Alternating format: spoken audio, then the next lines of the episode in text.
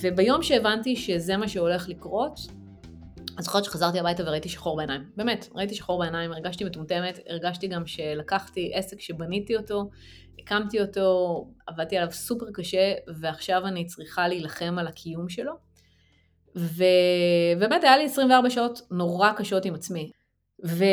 ואחרי 24 שעות אמרתי, אוקיי, זה המציאות, בוא נתמודד איתה, אה, ובוא נעשה מזה את הכי טוב שיש.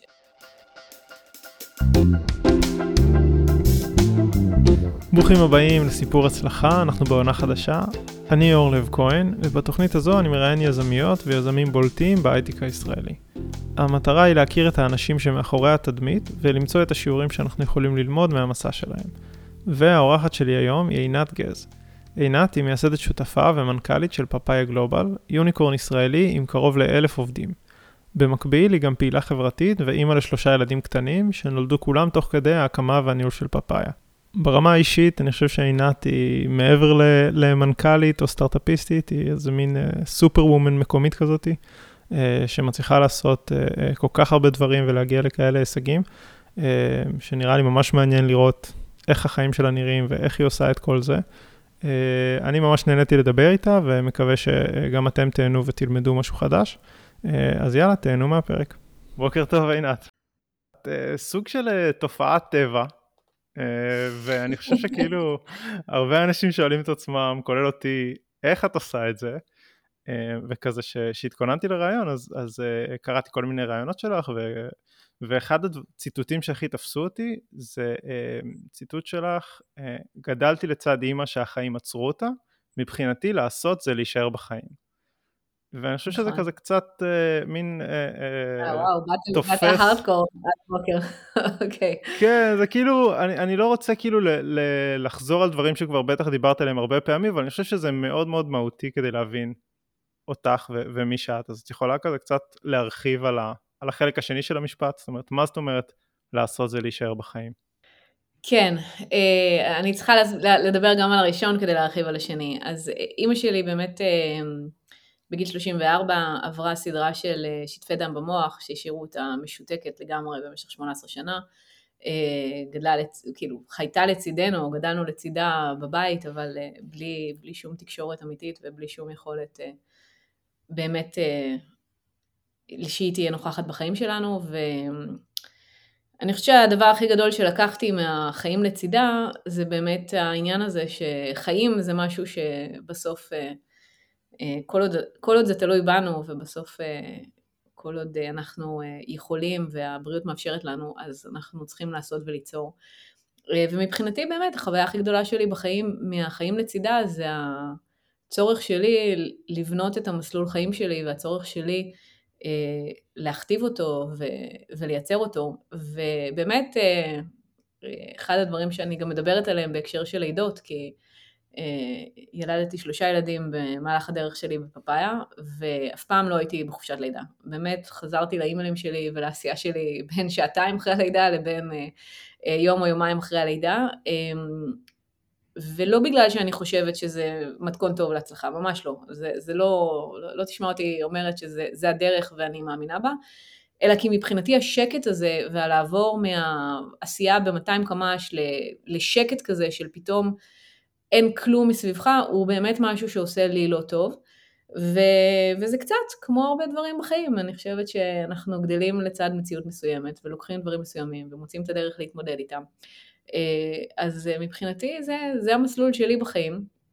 אה, וגם, אה, וגם בתוך זה, אני חושבת שאתה יודע, קבענו לעשות את הפודקאסט הזה לפני הרבה זמן, אבל אי אפשר להתעלם מהתקופה הנוכחית.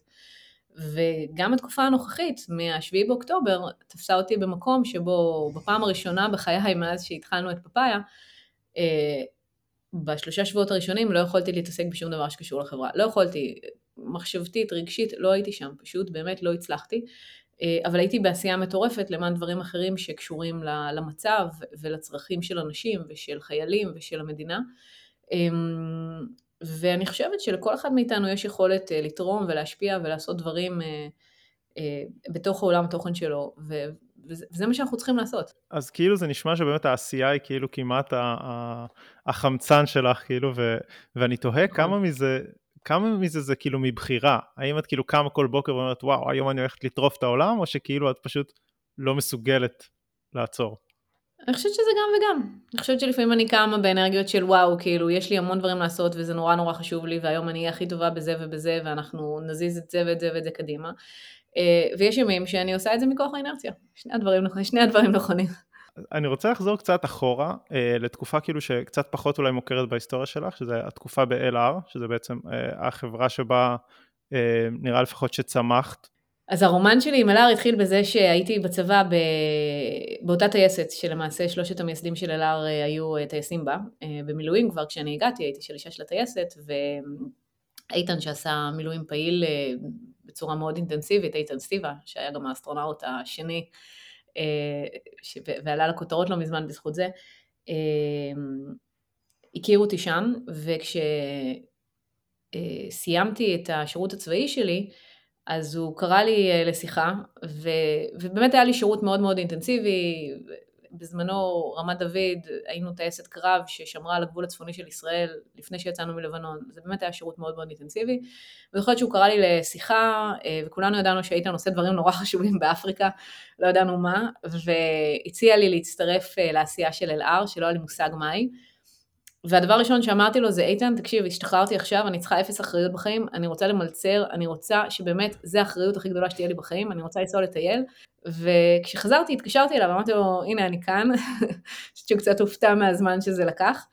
והייתי שבע שנים באלאר, אלאר זה בית ספר מדהים לחיים, כי כל מי שאוהב לעשות וליצור, אז אה, אפריקה זה מגרש אה, מדהים בשביל זה. אה, יוצרים יש מאין, ואלאר זה בית ספר אה, להמון המון המון פרויקטים ולהמון עשייה אה, מטורפת, באמת, חקלאות לצד טלקום, לצד ביטחון, לצד לסלול כבישים, וכל יום עושים משהו אחר, כי זה, זה באמת, זה, זה עשרות חברות שקמות אחת לצד השני. ומבחינתי גם אפריקה היה עולם מדהים, שלא הייתי מגיעה אליו סתם ככה, קשה להגיע לאפריקה המערבית, בטח סתם ככה. ו... וזה באמת הייתה חוויה מטורפת. מבחינתי זה היה אחת החוויות שגם, א', זה גרם לי להישאר באלאר שבע שנים, לא חשבתי שאני אשאר כל כך הרבה זמן בחברה, כשהתחלתי לעבוד, אבל זה גרם לי גם להבין שבסוף יש יכולת ליצור בהרבה מאוד מקומות, וכל המסביב וכל הקושי וכל הדברים, בסוף העניין זה תמיד לעבור אותם, וזה, וזה חלק מהמסע, אני חושבת שגם בסטארט-אפ זה ככה, בכל דבר שאתה מקים זה ככה. את יכולה כזה לעשות איזה מין שטיפה כזאתי על השבע שנים האלה, כאילו, איך נכנסת ואיך יצאת, כי נשמע שכאילו באמת עברת שם איזה טרנספורמציה. נכנסתי בתור... אה, נכנסתי בנקודה קשה, כי באתי בתור קצינה בצבא שהייתה לה המון אחריות, לתפקיד עם אפס אחריות כמעט מאוד מאוד קטן, שהייתי מבואסת ממנו מאוד, אה, והיה לי מאוד קשה, באמת היה לי מאוד קשה, גם מי שמכיר אותי יודע שאני לא כל כך טובה בלציית אה, להוראות. וזה היה באמת תפקיד, זה היה להיות אה, עוזרת של אה, מישהו, והוא היה אחלה בן אדם, אבל זה היה לי מאוד קשה בקונטקסט. ואני זוכרת שבאתי לאיתן אחרי כמה חודשים, אמרתי לו, תקשיב, כאילו, באמת, אני נורא מעריכה אותך, אבל זה לא בשבילי הדבר הזה, ואני לא עושה כאן מספיק, וזה לא מעניין אותי. והוא אמר לי, חכי עוד קצת, באלאר אין תפקידים קטנים, ויש המון המון מקומות שבהם אה, דברים צומחים. ואני זוכרת שכמה חודשים אחרי זה, או ממש תקופה קצרה אחרי זה, אז מי שהייתה אחראית על הטיסות אה, פתאום נכנסה לשמירת הריון, וקיבלתי יום אחד טלפון בבוקר ואמרו לי עכשיו את אחראית על כל הטיסות של חברה, ואמרתי אין לי מושג כאילו מה זה אומר, וזה חברה שחיה מטיסות וטיסות לאפריקה ומורכבות ואנשים זה, וזה היה תחנה ראשונה משוגעת. אה, ומהר מאוד שמחתי לנהל את, ה, את כל האופרציה של התפעול, כאילו פרויקט ועוד פרויקט ועוד פרויקט ועוד פרויקט, והייתי אה, בסוף סמנכ"לית התפעול של הקבוצה, ונורא רציתי אפריקה, נורא רציתי שטח, נורא רציתי להיות ברילוקיישן, בזמנו הייתה איזו קונספציה שלא שולחים נשים לרילוקיישן, אני התחלתי דווקא לשלוח נשים לרילוקיישן ואני חושבת שזה היה מאוד חשוב, אבל ביליתי הרבה מאוד זמן באפריקה. ובתפקיד האחרון שלי באלאר, כשכבר אה, רציתי לעשות משהו שהוא קצת שונה, אז אה, רועי, אחד השותפים, הציע לי, בדיוק קנינו רישיון לחברת תקשורת סלולרית בגינאה, ולי הייתה צרפתית של גיל ארבע מהבית, וגינאה זה מדינה דוברת צרפתית, והוא אמר לי, תיסעי לגינאה ותעזרי שם להרים את מערך השיווק, ואמרתי, איך זה קשור אליי בכלל? ואמר, לא משנה, תיסעי, ונסעתי לגינאה, אה, לא מדינה שהייתי שמה ב top אה, five שלי לחזור אליהם בחיים, באמת, כאילו ברמה האישית זו הייתה חוויה קשה, אה, ואני זוכרת את היום הראשון שלי שם בחדר עם ג'וקים ועכברים, ואמרתי, מחר אני על טיסה חזרה, אין לי מה לעשות במקום הזה, אני לא רוצה להיות כאן. ונשארתי שם בערך שמונה חודשים, הקמנו חברת אה, סלולר כנגד כל הסיכויים, בתקציב נורא נמוך, אה, בדברים, באמת, בחוצפה ישראלית נורא גדולה. שיעורים נורא נורא טובים לסטארט-אפ ואיך עושים דברים שהם מתבלטים בלי, זאת אומרת, איך אתה משתמש בסוף ביצירתיות ומקוריות יותר מהכל. אה, זהו, ועזבתי את אלאר אה, רגע לפני גיל 30, כי היה לי איזה, הייתי באיזה mindset כזה שאני צריכה להקים משהו משלי לפני גיל 30. אה, והקמתי חברה שנקראת Relocation Source, חברת שירותים. צריך לדבר על זה גם, כי בסוף אני חושבת שלהקים עסק שיש לו P&L אמיתי ושהוא צריך לממן את עצמו ולהרוויח, זה שיעור נורא טוב, שהרבה פעמים בסטארט-אפים לא, לא חווים, בטח כשהיה איזשהו גאות בגיוסים והיה נורא קל לגייס הרבה כסף, אז לא מבינים שבסוף המודל הזה צריך להתאזן ולהוציא המון כסף, זה בסדר כשבונים דברים, אבל בסוף מתישהו גם צריך להגיע למצב שהחברה הזאת מרוויחה. ומבחינתי רילוקיישן הייתה שיעור, כאילו לקחתי את כל החסכונות שהיו לי, השקעתי ב... ב- בלייצר הכל, בניתי את האתר אינטרנט הראשון ועבדתי סביב השעון והייתי כל הדברים שאפשר אבל הייתה לי מטרה, הייתה לי מטרה שהחברה הזאת תפרנס אותי ושהחברה הזאת תקום, וזו הייתה מטרה קשה באמת, אני חושבת שזו העבודה הכי קשה שהייתה לי בחיים, ואני יודעת לעבוד קשה, אבל עבדתי באמת מסביב לשעון כדי לגרום לזה לקרות, ו... ורילוקיישן, אגב, זאת, זאת אחת החברות שאני הכי גאה בה, כי אני חושבת שהיא חברה שהיא... אה, אה, בארץ לא כל כך אוהבים לתת אה, פוקוס על חברות שירותים, אבל להיות עצמאי בישראל ולהקים עסק בישראל זה דבר נורא קשה. ו... וזאת הייתה חברה מדהימה, היא העסיקה בטח איזה 40 אנשים, ומכרתי אותה לפני שנתיים או שלוש, אז היא גם אה, נשארה, זאת אומרת, העברתי אה, את הניהול שלה לעובדת הראשונה של רילוקיישן, שהיא בחורה מדהימה שלמדה הכל מאפס, ו... ובאמת לקחה את זה ו... וניהלה את זה בצורה מדהימה, היא עדיין מנהלת אותה עבור מי שקנה את החברה. אה, זהו, ומשם התגלגלתי. זה סיכום יפה, משם התגלגלתי. אה, טוב, יש, יש פה כאילו שתי, שתי, אה, שני מישורים שכאילו מעניינים לדעתי. אחד זה כאילו ההקבלה בין אפריקה לבין סטארט-אפ. כאילו כאוס מוחלט, אתה באמצע שום מקום, אתה צריך כאילו להרים משהו מאפס,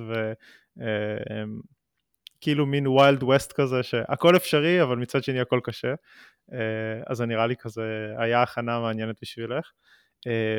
ושתיים, כאילו המסלול הזה שעברת, שכאילו בסוף הוא מסוכם כאילו בשורה אחת בלינקדין ו- ואולי מדברים עליו פעם בכמה שנים, אבל כאילו פאקינג כאילו מקצינה שהרגע חזרה מטיול ומצפים ממנה ל- לקבוע פגישות, תוך 6-7 שנים, כאילו COO של, ה- של החברה הזאת, או כאילו מנהלת אופרציה ענקית, ו- אני בטוח כאילו שזה שזור ב, בכל מה שאת עושה היום, כאילו כל הכלים שלמד שם וכל הקשרים וכל המסוגלות הזאת, כאילו משהו שם מאוד חזק אצלך בשורשים.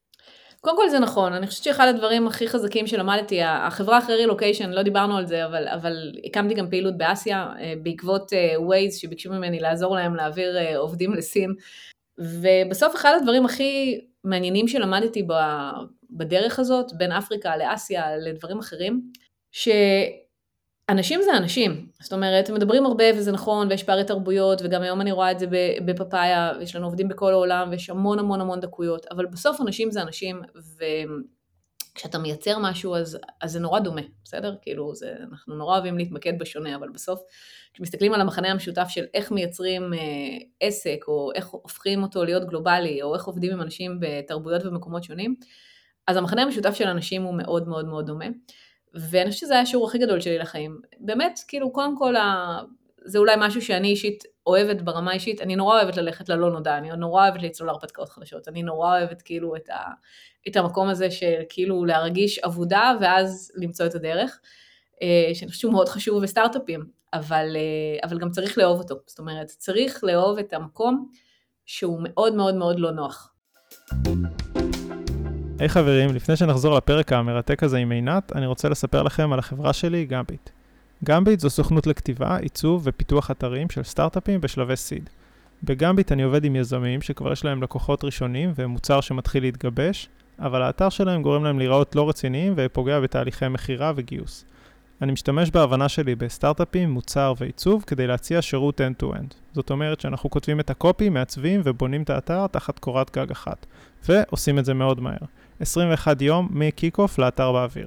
אז אם זה מעניין אתכם, אתם מוזמנים לגמביט.design כדי לראות אתרים לדוגמה וליצור איתי קשר. שוב, גמביט.design. בחזרה לפרק, תהנו. אני, אני חושב שכאילו כשאת אומרת אנשים זה אנשים, בעיניי זה כאילו מהדהד הכל אפשרי.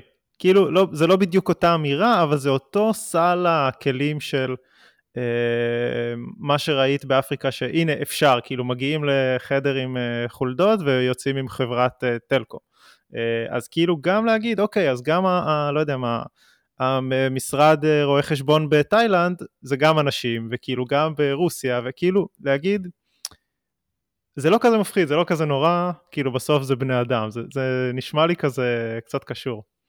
קודם כל זה נכון. דבר שני, אני חושבת שבסוף יש לנו בחירה בחיים. אנחנו יכולים להיכנס למקום ולהסתכל ולהגיד למה אי אפשר, ואנחנו יכולים להסתכל ולהגיד למה אפשר. זה, זה, זה תמיד השני צדדים של המטבע. אה, ואני חושבת שהרבה אנשים מאוד עסוקים בסיפור שלהם בלהסביר למה אי אפשר ולמה זה קשה. וזה נכון, זה קשה, זה לא קל, ו, ובאמת כאילו, אבל זה בדיוק מה שאני אומרת, כשאתה מסתכל ואומר, אוקיי, אני מבינה את הקשיים, אני מבינה את הדברים שצריכים לעבור, אבל אני רוצה דווקא להבין למה אפשר ואיך אנחנו נעשה את זה, אז זו חשיבה אחרת, ו- ומשם זה יוצא.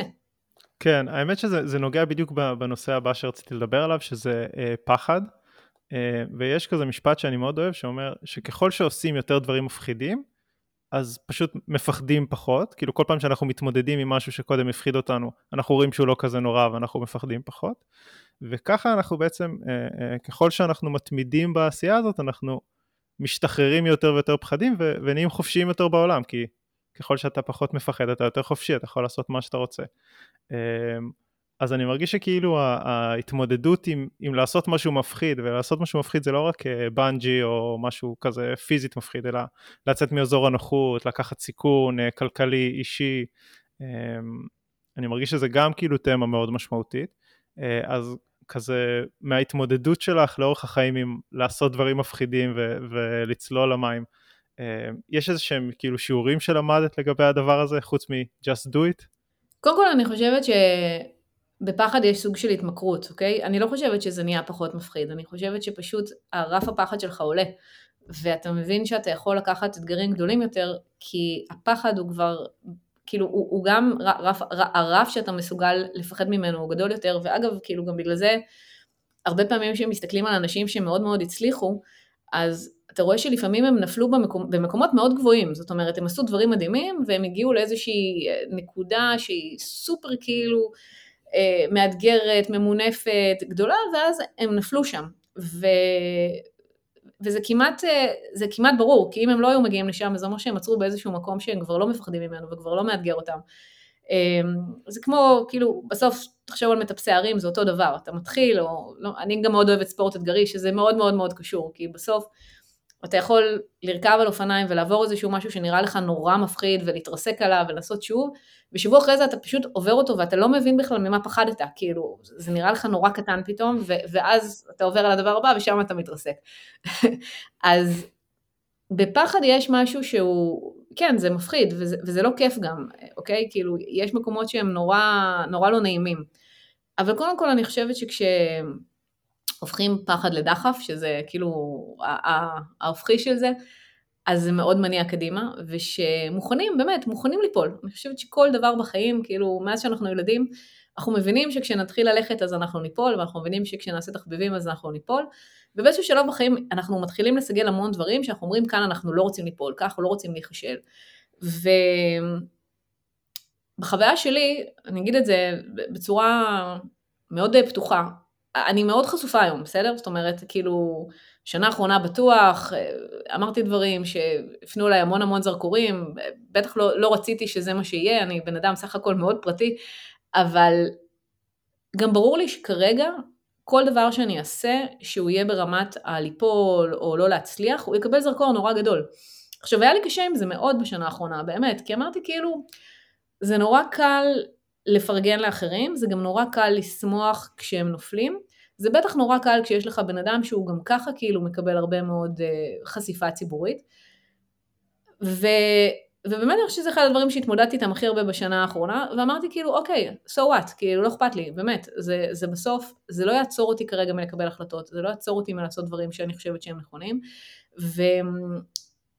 ואחד הדברים זה באמת גם להגיד, אוקיי, כאילו, אז מה? אז, אז יש משהו שמפחיד, ומה הדבר הכי גרוע שיקרה אם אני אכשל בו?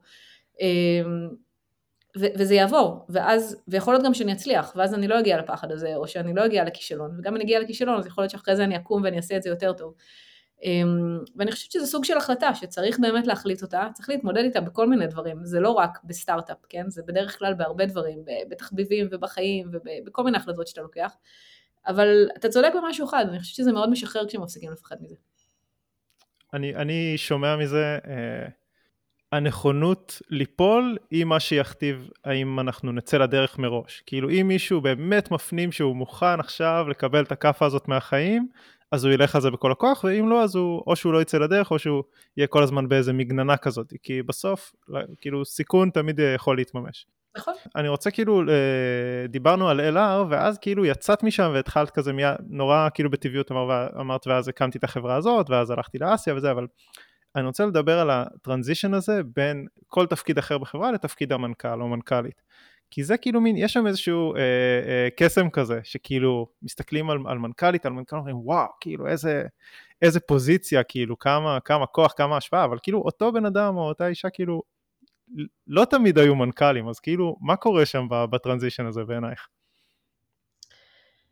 אז קודם כל זה נכון, כי אף אחד לא מתחיל כמנכ"ל חברה. אתה מתחיל כעובד הראשון, אתה גם מנכ"ל, אבל זה לא רלוונטי, כי אתה גם העובד הראשון ואתה גם עושה את הכל, כאילו אתה מנכ"ל של עצמך ואתה מנהל את עצמך, ובדרך כלל אה, אתה הבוס הכי קשוח של עצמך, כי יש לך המון אה, ביקורת או המון אה, דרישות. אבל בסוף אני חושבת שכל אחד גדל להיות מנכ"ל בסגנון של, בסגנון אחר. וגם מאמץ לעצמו מודלים אחרים. אה, אין ספק שיש גם, אני אגיד, זה לא קשה להיות מנכ"ל של חברה, או, או זה לא קשה להיות מנכ"ל בימים הראשונים, כי אתה, באמת, אתה, אתה, אתה חלק מהצוות, אתה עובד הראשון, אתה גם אולי אומר מה לעשות, אתה גם יש לך אולי את האחריות. זה הרבה יותר קשה להיות מנכ"ל כשהדברים נהיים גדולים ושכבר אתה לא, בהם, אתה צריך כל הזמן לשנות את סגנון הניהול שלך. אה, פאפאיה היא דוגמה מעולה מבחינתי, כי כשהייתי ברילוקיישן ואמרתי היינו 30 איש, זה, זה, זה היה נראה לי אתגר, באמת היה נראה לי אתגר. יש דברים שכבר היו קשים לי ב-30 איש, אבל בפאפאיה כאילו 30 איש זה היה בערך day one, כי אתה צריך את זה, וה-day 2 זה כבר 100, ואז 200, ואז 400, ואז 700, ואתה כל הזמן צריך לעבוד עם עצמך ולשמוע ולהבין איך אתה מייצר אה, קודם כל הנהלה חזקה. שלי זה דבר קשה בכלל, כאילו, שוב, אני, אני מאוד בן אדם של שטח, אני מאוד בן אדם שאוהב לגעת בפרטים, אה, ולשחרר דברים מסוימים או לשחרר תחומים לגמרי, זה, זה לא האופי שלי. אה, זה משהו שלמדתי שאם אני לא אעשה אותו אני אחשל, ואם אני לא אעביר לגמרי אה, סמכות ואחריות לאנשים שאני חושבת שהם עושים את זה לא פחות טוב ממני, ואני גם אדע לאתר אותם, שזה גם קשה. כי, כי זה קשה, זה באמת קשה, וגם שם נופלים בהרבה מקומות. אתה חושב שאנשים מתאימים והם לא מתאימים, ולוקח זמן לבנות הנהלה, ולוקח זמן לבנות אנשים שעובדים איתך ביחד ורצים איתך את המסלול, אמ, ושגם אתה יודע לתת להם את מה ש... זאת אומרת, להעביר להם ולייצר להם את תחושת המשמעות. וזה באמת, אני חושבת, העבודה הכי, הכי חשובה של כל מי שמייצר חברה שהיא גדלה, אה, בטח בהייפר גרוף, אבל, אבל גדלה. זה, זה לא נולדים להיות מנכ"ל לא של 30, לא של 50, לא של 500 אה, ולא, ואני גם לא, אני אומרת אמיתית, אנחנו עכשיו אה, אה, באזור האלף עובדים, או נגיע לאלף עובדים בקרוב, אני חושבת שהמסע של להיות מנכ"לית של 1,500 או 2,000 עובדים, הוא מסע שונה לגמרי, ואני גם בצורה כנה שואלת את עצמי, ואני חושבת שזו גם שאלה חשובה, האם, האם אני צריכה להיות המנכ"לית של החברה הזאת, האם אני עדיין מביאה לה את הערכים, ו... ויכול להיות שלא אגב, אני לא יודעת, אולי כן, אולי לא, אבל זה לא גיוון גם, זה לא מובן מאליו. ו- וזה גם לא משהו שמישהו בהכרח יבוא ויגיד לך. כאילו זה שוב אותה, אותה סיטואציה של, של, אה, של מנכ"ל שהוא alone at the top, ואף אחד לא יגיד לו, אה, עכשיו בדיוק ההחלטה הזאת נכונה, עכשיו ההחלטה הזאת לא נכונה, אה, כאילו זה אתה לבד עם, ה, עם ההתמודדות הזאת. קודם כל אני חושבת שיכול להיות שאם אני אשאל, אני אשמע הרבה דעות, יכול להיות שאני אוהב אותם, יכול להיות שאני לא אוהב אותם, אבל בסוף זאת החלטה ש, שלי לגמרי, וככל שאני חושבת בצורה מאוד כנה עם עצמי שאני עושה את התפקיד טוב, או בצורה שעושה הכי טוב לחברה, אז אני צריכה להיות בו. אבל באמת יש פה לפעמים, ואני מסתכלת המון פעמים, אני מקדישה הרבה מאוד זמן ב... אה, לקרוא, להקשיב למנכ"לים אחרים שאני אה, מכירה, לא מכירה, של חברות גדולות יותר, אה, אם זה בישראל, להיפגש איתם ו... ולהבין האם בסוף אני חושבת שאני יכולה לעשות את התפקיד בצורה טובה כמוהם, מה, מה זה דורש ממני, והאם אני גם אהנה מזה, כי יכול להיות שאני יכולה, אבל אני לא אהנה מזה, זאת אומרת, גם יש הבדל מאוד גדול במה התפקיד דורש ממך, אה, ככל שהחברה גדלה, וחברה גם גדלה היא צריכה להיות הרבה יותר מסודרת והרבה זה, דיברנו על הכאוס בהתחלה של אפריקה, אני בן אדם ש- שאוהב לעבוד בכאוס, באמת, אני אוהבת את זה. אה, ככל שאנחנו מתחילים אה, לגדול לנהלים וזה, אני תמיד אומרת, אני צריכה לזוז כי אני עושה בלאגן, זאת אומרת, דברים צריכים לעבוד, אבל אני צריכה לזוז, אני לא יכולה להיות חלק ממי שמייצר נהלים או, או אחראי עליהם, כי אני לא טובה בזה. וזה באמת, אני חושבת שצריכה להיות הרבה כנות בדרך הזאת, תמיד בסטארט-אפ. איפה אתה נמצא, האם זה המקום הנכון לחברה. בסוף, זה לא משחק של אגו, ובאמת, זה, זה גם מכשיל הרבה חברות, זה משחק של להיות נורא נורא נורא נורא כן עם עצמך, וזה גם שוב חוזר לפחד, או מה אחרים יחשבו, או איך אנשים יגידו, זה לא רלוונטי, כאילו, בסוף אני רוצה שפפאיה תצליח, כי אני רוצה, זה כבר לא חברה של עינת, זה חברה שעומדת בזכות עצמה, ואני באמת רוצה שהיא תצליח, ויכול להיות שאני יכולה לעשות את זה כמנכ"לית מעכשיו לעשר שנים הקרובות, ויכול להיות שלא, אני באמת שואלת את עצמי את זה הרבה מאוד. טוב, ת, תראי, למנכ"ל אה, חברה של אה, אה, אלף ואפילו מאה זה, זה אתגר מטורף, ובמקביל יש לך שלושה ילדים, שזה גם אנשים, אני מכיר אנשים שהם לא מנכ"לים והשלושה ילדים גומרים אותם, זה גם כאילו קושי לא מבוטל. אז כאילו החיים שלך בתכלס הם די, די באקסטרים. אה, לכל הכיוונים, כאילו לא אפילו לא, בחרת חזית אחת, את נלחמת בכל החזיתות. זה איזושהי החלטה מודעת שלך שאת אומרת אני עכשיו אה, מסובבת את, ה, את הכפתור ל-11 או שכאילו זה פשוט קורה? אז זה חוזר לשאלה הראשונה ששאלת אותי או למשפט הראשון שאמרת, זאת אני, כשיש לי רגע שקט בחיים אז משהו אחר נכנס, בסדר? זה ככה זה, זה, זה אני צריכה את זה, זה ברור שזה החלטה, כאילו ברור שבסוף גם בפאפאיה, תמיד צוחקים עליי שאיך שאני מעבירה איזשהו תפקיד או איזשהו משהו שמישהו לוקח ממני זה, תמיד יש משהו חדש שמגיע, איזה פרויקט חדש, איזה זה. זה, זה מה שעושה לי טוב. אני, אני צריכה שהיום שלי ייראה ככה. אני צריכה, באמת, אני לא אוהבת את השקט. אני לא אוהבת את המקום שבו אין לי, אין לי את ה... כאילו, את הכפתור 11 הזה מסביבי. אה, כל אחד צריך להכיר את עצמו.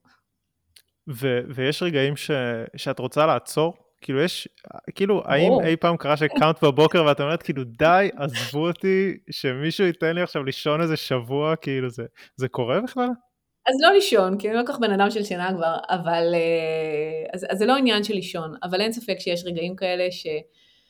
בא לי שהטלפון יפסיק לצלצל, ובא לי שאני לא אסתכל ביומן והוא יהיה כאילו עמוס בריצות והכל. ויש מקומות גם, אני חושבת שעם הזמן למדתי, בטח הילדים קצת לימדו אותי, אה, לדעת לקחת את הפאוזות האלה, שהן מאוד קצרות אצלי, אבל הן מאוד מאוד מאוד אה, חשובות. אה, וגם זה צריך ללמוד לעשות. זה... צריך להקשיב בעיקר, כאילו, וצריך... זה קשה מאוד כשסטארט-אפ הוא צעיר, כי אתה... כל יום הוא מרוץ נגד הזמן, והוא מרוץ נורא קשה ונורא אכזרי, ואתה הולך לישון ואתה מרגיש שמישהו אחר בינתיים עושה דברים שאתה תקום בבוקר ואתה תגלה שאתה כבר מאחור. אבל גם כשחברה גדלה, אז צריך לעבור לקצב של מרתון, וצריך להבין שאם רוצים להישאר לאורך זמן, אז צריך לשמור גם על מקומות שבאמת אה, לא מגיעים לברנאוט. אה, עכשיו מגיעים תמיד, מגיעים לקצוות, אני מגיעה לשם לא מעט, ו... אבל צריך להבין, כאילו, רגע לעצור לפני ולהגיד, אוקיי, כאילו, גם אם הגעתי לשם, רגע עכשיו אני אעצור את זה, כדי שזה לא יהיה רגע מאוחר מדי, ו- ולעשות את זה, מה שצריך. יש כאלה שיודעים לקחת שבוע חופש, ואני סופר מקנאה בהם ולהתנתק, ואני יכולה לקחת שעתיים, וזה גם יעשה לי טוב. ו- וגם דרך אגב, כאילו, אני מנסה לדמיין את השעתיים האלה, יש כאילו קונטרסט מאוד גדול בין עינת המנכ"לית הסופרסטארית, שכאילו הטלפון לא מפסיק לצלצל וכולם כאילו looking up to her, ואז את מגיעה הביתה ואת כאילו, לא יודע מה, אולי צריכה לשטוף כלים, או אולי צריכה כאילו... לא, אני לא, אני לא בן אדם של כלים, אבל הילדים מכפכפים אותי, ויש יש קונטרסט נורא נורא גדול, בדיוק ביום שישי היינו באיזה, באיזשהו אירוע לנגריה שפתחנו לכפר עזה בשפיים, נורא מרגש, והיה שם מישהו שעובד איתי צמוד כרגע באחים לנשק, והייתי עם הילדים, והוא ראה אותם מכפכפים אותי, וכאילו, מה שנקרא, עינת המנכ"לית שהם לא סופרים, ורודפת אחריהם בלי סוף ומנסה לגרום להם לשבת בשקט. אה, כן, אה, אני גם בן אדם שבאמת, עם הילדים אני, אני מאוד איתם ואני מאוד הם, ואני מאוד בגיל שלהם כשאני איתם, ו, וזה גם חשוב, וזה כאילו שלהם לגמרי, וזה שלי לגמרי, וגם, אני גם, אגב, שומרת את זה מאוד פרטי, זאת אומרת, לא תמצא נגיד אה, ברשתות החברתיות שום דבר שקשור אליי ולילדים, זה כאילו, זה, זה העולם שלי. אולי זה גם, זה גם האיזון, כאילו שטירוף מצד אחד, ואז בצד השני, כאילו את all in עם הילדים, אה, צחוקים, שטויות, כאילו, וכזה זה.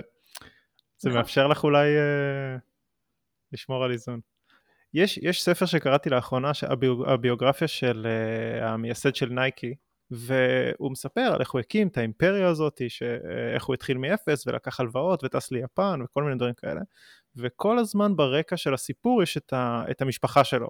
איך הוא מכיר את אשתו ומתחתן ונולדים ילדים, ו, ו, וכל הזמן שזור שם אה, הקושי לבלות זמן עם הילדים והוויתורים שהוא עשה וכאילו גם בסוף הסיכום של הספר שהוא כאילו נגמר שנייקי כבר חברת ענק בסוף ממש לדעתי הפסקאות האחרונות זה על הילדים שלו ושהוא אה, כמה שהוא מתחרט על כל מיני דברים. אה, שהוא לא בילה איתם זמן והיה להם איזה טרגדיה גם וכאילו אני תוהה לעצמי אם בסוף בן אדם כאילו השיג את כל הדברים המטורפים האלה ובסוף מה שהוא מסיים איתו זה איזושהי חרטה, האם הוא מתחרט על זה? ואני תוהה כאילו איך את אה, שומרת על עצמך מ- מלהגיע לסיטואציה כזאת שאת עושה עכשיו ויתורים מאוד גדולים ואולי הם סבבה לך, אבל איך את כאילו דואגת לא להתחרט בסוף על הזמן שאולי לא בילית עם המשפחה או על הדברים האחרים שלא עשית? קודם כל אני לא חושבת שצריך אה, לא להתחרט, בסדר? אני, אני מתחרטת בדיעבד על הרבה דברים. קודם כל יש לי בן זוג מדהים שבאמת אה, לקח על עצמו לטפל בילדים ולגדל את, ה, את שני הבנים, בטח אה, שתי חופשות הלידה של, אה, של שני הבנים שלנו היו עליו לגמרי. הילדים שלי לא קוראים בלילה לאמא, הם קוראים בלילה לאבא, ואם הם צריכים, הם צריכים משהו באמצע הגן אז הם יודעים שהם צריכים להתקשר לאבא, או לבקש להתקשר לאבא. ו... ואפילו אני חושבת שמה שהכי החמיץ לי את הלב כשבתחילת הדרך זה שאלי, הבת הבכורה שלי, חזרה מיום המשפחה ושרה אבא יקרה לי. אה, את הגרסה של אמא יקרה לי הפכה גם לאבא יקרה לי. ו... וזה לא שיש לי, אין לי קשר מדהים איתם, באמת, יש לי קשר מדהים איתם ואנחנו נורא מחוברים, אבל הם יודעים שבסופו של דבר הדברים הפונקציונליים אה, מופנים ל... לעמית, לאבא שלהם. וזה לא שאין לי חרטה, יש לי חרטה על הרבה דברים, ואני רואה אנשים, ש... נשים שבסוף לוקחות פסק זמן בחופשות לידה ועושות דברים מדהימים ומגלות את ה... מגלות עצמם, מגלות את הילדים, ואני אומרת לא הייתי שם, כאילו היו לי שלוש הזדמנויות ופספסתי את כולם. לא תהיה, לא תהיה עוד אחת, אז זה מה יש. אבל אני חושבת שחרטה זה פשוט מילה גדולה, כי תמיד יש חרטה על דברים שלא עשינו, אבל אם אתה קם בבוקר ומחליט לעשות דברים מסוימים, ובאמת נמצא במקום שטוב לך במה שאתה עושה, אז החרטה היא לא רלוונטית אחרי זה, תמיד יהיה, כאילו, בסוף, זה נכון, אבל צריך, צריך לקחת את זה כגיוון, כאילו, כל יום שבאתי לעבודה ולא הלכתי לשחות בים, אני אתחרט עליו, כי יש היום ים מדהים והכל נראה, זה, אבל זה מה יש, כאילו, עשיתי דברים אחרים. אה, אז אני, אני מנסה לא לחיות בחרטה, זאת האמת, כאילו לקבל את כל מה שאני עושה, לטוב ולרע, להשלים עם הטעויות, אה, וגם לא לחיות עם רגשות אשם, אני גם חושבת שזה חלק מהדברים, כאילו מישהי פעם לימדה אותי את זה, ואני חושבת שזה מאוד יפה לחיים של כולנו עמוסים נורא, שכל יום במשולש של בין היא, הקריירה והמשפחה, היא כל יום בוחרת רק שניים, לא שלושה, כי אי אפשר שלושה. אז היא אומרת, היום אם אני בוחרת בעצמי ובקריירה, זה אומר שלא יהיה לי זמן ילדים. ואם אני בוחרת בילדים ובעצמי, זה אומר שאני אעשה פחות דברים בעבודה. ו, וזה מאוד נכון, ו, וזה בסדר, כאילו, יהיו לנו חרטות על מלא דברים. ואני חושבת שלי יש קו אדום אחד נורא ברור, כאילו, בסוף אם אני חושבת שמשהו שאני עושה היום פוגע בילדים שלי בצורה מהותית לעתיד שלהם, אז אני כנראה אבחר לא לעשות אותו. אה, אבל גם ביום יום, בסדר? גם אם אני בוחרת לקחת שיחת זום של עבודה, אה, על חשבון ההשכבה שלהם לישון, או על חשבון זה שרגע אני עכשיו לא אהיה איתם, אז בחרתי לעשות את זה, ואני יודעת שלפעמים זה בא על חשבון זה שהם צריכים אותי, והם מצוקה, והם מבינים שבחרתי על חשבונם, באמת, הם מבינים את זה לגמרי. אה, גם אם הם לא שמחים עם זה, אבל אם זה מה שאני צריכה, זה מה שאני צריכה, וכאילו להתחרט אחרי זה על, על דברים שקרו, לצערנו אני חושבת שכולנו נפגשים בטרגדיות ובזה, והם אומרים יכול היה להיות מסלול חיים אחר, אבל שוב, אני חושבת שביום יום אנחנו מבינים שזה לא עובד ככה. אני מסתכל על זה כאילו, יש את הקלישאה הזאת שכאילו מראיינים אנשים כאילו על ערש דווי ואומרים על מה אתה כאילו, מה היית עושה אחרת בחיים, וכולם אומרים אה הייתי מבלה יותר זמן עם המשפחה שלי וזה, אבל כאילו בתכלס הם לא עושים את זה. נכון, נכון, וזאת האמת, כי כאילו בסוף אנחנו חיים את היום ואת מה שעושה לנו טוב ואת מה שאנחנו נהנים, וגם אנשים שיכולים להרשות לעצמם, ואני מכירה אין סוף כאלה, ממשיכים לקום בבוקר ולעבוד קשה ולקרוע את התחת כאילו למרות שהם לא צריכים את זה והם יכולים להרשות לעצמם באמת להיות כל היום בעולם של תחביבים וזה, וחופש ולעשות מה שהם רוצים. כי כנראה זה נותן יותר, מה זה כנראה? זה בטוח, יש לזה משמעות אחרת. ואז אז החרטה אחרי זה ולהגיד יכולתי לעשות יותר, נכון, יכולתי לעשות הרבה דברים אחרים יותר. אבל, אה, אבל אני לא מזלזלת במקומות שבהם נותנים לנו, באמת, העבודה מבחינתי זה משמעות נורא גדולה, ואם אני אוותר עליה, אני יודעת שכאילו, אני אהיה בים עכשיו שבוע, אני אהיה עם הילדים שבוע, לא יהיה לי טוב.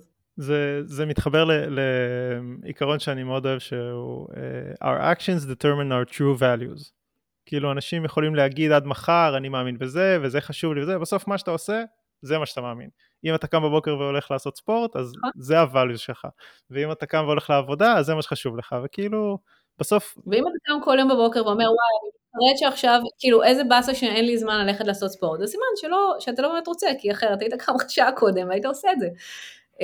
כן. אמ, אז, אז זה באמת בעיניי, כאילו, זה, זה לא באמת חרטה, זה כאילו להסתכל אחורה ולהגיד יכולתי לעשות דברים אחרת. נכון, אבל כאילו, בחרת, ויש סיבה שבחרנו דברים, וזה בסדר.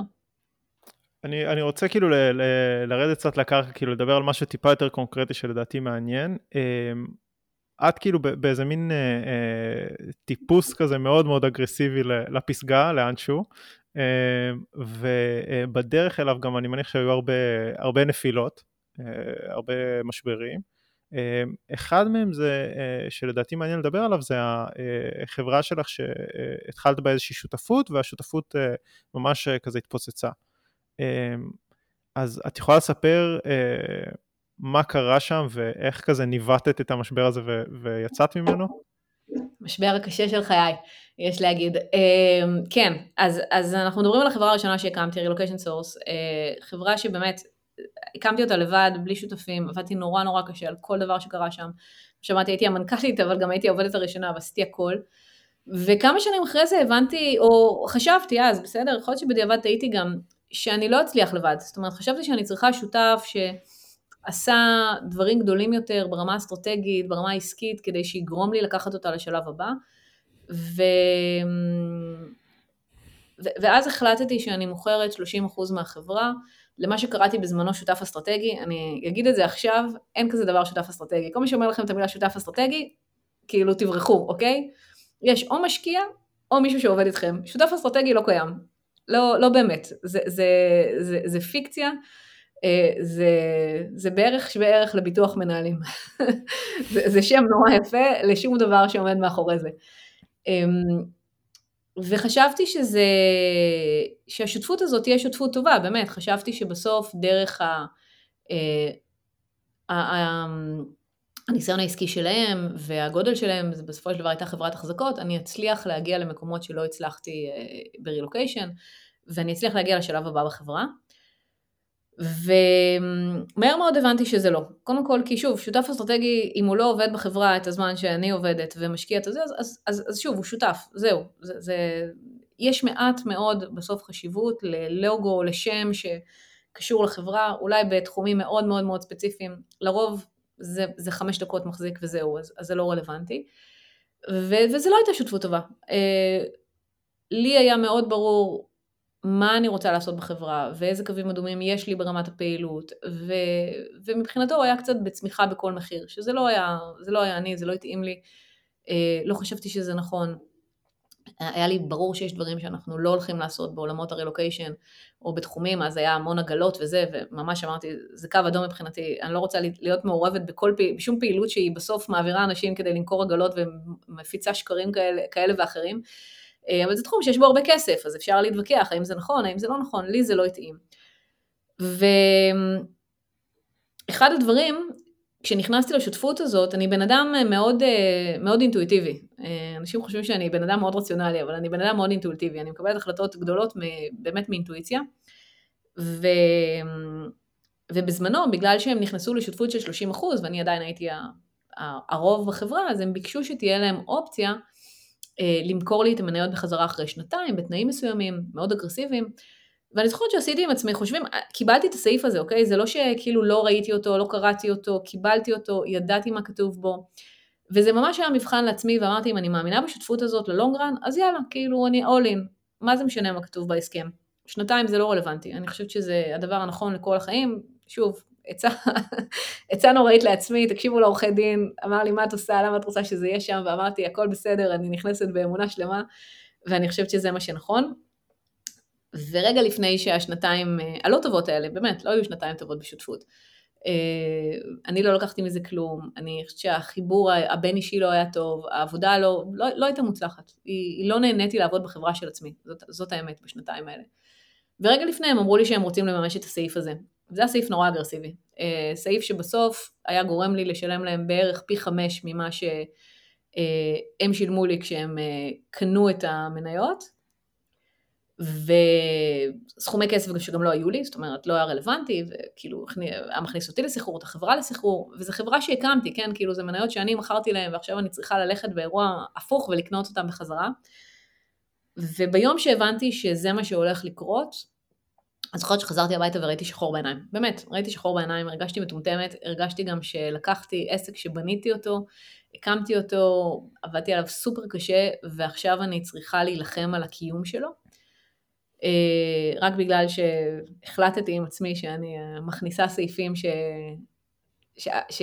שהעורך דין שלי אמר לי לא להכניס אותם בשום פנים ואופן. ובאמת היה לי 24 שעות נורא קשות עם עצמי. אה, אני גם בגדול בן אדם מאוד קשה עם עצמי כשאני עושה טעויות, אז... וממש ראיתי שחור, גם, גם לא היה לי אז עם מי להתייעץ, לא היה לי כאילו הרבה חברים שהיו אה, יזמים, ומי שהיה היה יותר בהייטק, וזה עולם אחר וכזה. ו... ואחרי 24 שעות אמרתי, אוקיי, זה המציאות, בוא נתמודד איתה, אה, ובוא נעשה מזה את הכי טוב שיש. ואני אומרת את זה הרבה, אני חושבת שאמרתי את זה כמה פעמים בכמה פודקאסטים שדיברתי, אני נורא אוהבת לעשות עם עצמי worst case scenario, ולהגיד, אחלה, כאילו, זה המצב, עכשיו מה ה-worst case scenario של הדבר הזה. והוורסט קייס סנאריו של הדבר הזה לא היה שאני אקנה את החלק שלי בסכום הזה, כי זה לא היה אופציה שאני עכשיו אעבוד כמה שנים כדי לקנות את המניות שלי בחזרה בסכום מופרך, זה היה לסגור את החברה. וזה עצוב נורא לסגור חברה שהקמת, שעובדת, שמצליחה, שהיא כבר כאילו בשלב הזה שהיא בזכות עצמה, לא, לא בזכותך. אמ, ואמרתי זה מה יש, זאת אומרת, הייתה החלטה, עשיתי טעות, אני אצטרך לסגור את החברה. ו... ואז חשבתי, אוקיי, נגיד שאני סוגרת את החברה, אז מה קורה? אז כל העובדים הולכים הביתה, ואני חושבת שהם למדו הרבה, אז אני מניחה שזה יעזור להם בהמשך הקריירה. ואני, אז הייתי רווקה עם כלבה, כלבה, אז אמרתי, אוקיי, את הכלבה אני יודעת איפה לשים, יש לי מספיק אנשים שאוהבים אותה, ואני אקח את עצמי, ארוז תיק, אסע אה, לעוד טיול גדול בחו"ל, שלא היה לי זמן בשנים האחרונות לעשות, כי הייתי נורא עסוקה בעבודה. ו... וזהו, ויהיה בסדר. כאילו, זה מה יש. זאת אומרת, אה, נזרוק את החברה לפח, אני אלמד מהטעות, נלך לטייל, יצבור אנרגיות, ייהנה מהתקופה הזאת, ו... ויתחיל משהו אחר. ו... וזה היה worst case scenario, ואני חושבת שכשמגיעים ל-worst case scenario ומפסיקים לפחד ממנו באמת, זאת אומרת, כבר מגיעים לפרטים של זה מה יש, זאת אומרת, זה הכי גרוע שיכול להיות, אז אפילו קצת התאהבתי בו, כי כאילו פתאום אמרתי וואי לאן אני אלך, להודו, לזה, לדרום אמריקה, כאילו כבר זה התחיל להיות בשלב הזה של, של התכנוניות שאחרי. אה, ובמקביל גם כאילו עשיתי את ה-best case scenario, זאת אומרת הלכתי והתייעצתי עם עורכי דין הכי טובים שאני מכירה ועם הרואי חשבון הכי טובים שאני מכירה ויצאתי למלחמה על, על, על החברה כי אמרתי אוקיי כאילו ה-best case scenario זה שאני אנצח ואני אחזיר את הדברים לקדמותם שזה מה שרציתי. אה, ובסוף ה-best case scenario קרה, והצלחנו לעשות reverse engineering להשקעה הזאת, ולא נסעתי לטייל בחו"ל. אה, וזהו, ואז המשכתי לפעילות הבאה שלי באסיה. אבל זה לא נשמע כזה נורא, קודם אמרת כאילו זה המשבר הקשה של חיי. כאילו, המשבר הקשה של חיי. בסוף ש... כן, אבל למה? כאילו, מה הפך את זה כאילו למשבר הקשה של חייך? כי זה לא, כשאתה יוצא למלחמה, עורכי דין וזה, זה אף פעם לא, אוקיי, בוא נתפגש ויהיה נחמד. זה לא, זה, זה להפשיל שרוולים ולהיות נורא נורא חשוף, ו, ובסוף, אתה יודע, זה מאבק, ו, ומאבק זה דבר קשה, ומאבק ש... אני הרגשתי בזמנו שאני הבאתי את עצמי למאבק הזה, זה לא שהוא נפל עליי, אני חתמתי על ההסכם הזה, אני ידעתי למה אני נכנסת, אני החלטתי לעשות את זה, אני לקחתי חברה שבניתי, הייתי 100% בעלים שלה, והחלטתי להכניס סעיף מטופש בניגוד לכל עורכי הדין, אז, אז, כן, זו תקופה נורא קשה, אז אני אומרת, וגם לצאת ממנו, זה לא תהליך של יום. אתה, כאילו, סימנתי מטרה, אמרתי, אני מוכנה לקנות את המניות שלי בחזרה ב reverse engineering למה שנכנסנו. ואז מתחילים, וזה המון המון המון ויכוחים, והמון אמוציות, והמון משפטי, והמון זה, וזה כל הזמן צעד קדימה, ועשרה צעדים אחורה, ואז אתה אוקיי, אני אלך ל-Worst case scenario. ו... וזה מאבק, זה הרבה אנרגיה מיותרת. אה, היה לי עוד מאבק כזה השנה, אני בטוחה שהוא היה מספיק בכותרות ומתוקשר, אז לא נדבר עליו. אה, וזה מאבק, מאבק גם לוקח לך אנרגיה שהיא לא טובה, וזה מבאס. במקום ליצור, אתה מתעסק ב... כאילו בדיפנס, ו, או, או ב, כאילו בהתקפה, וזה לא כיף. קשוח, גם כאילו, גם עצם זה שכאילו אה, אה, תייגת את זה כטעות, וכאילו, אני הבאתי את זה על עצמי, זה, זה נורא הופך את הכל לכאילו הרבה יותר... אה... נכון.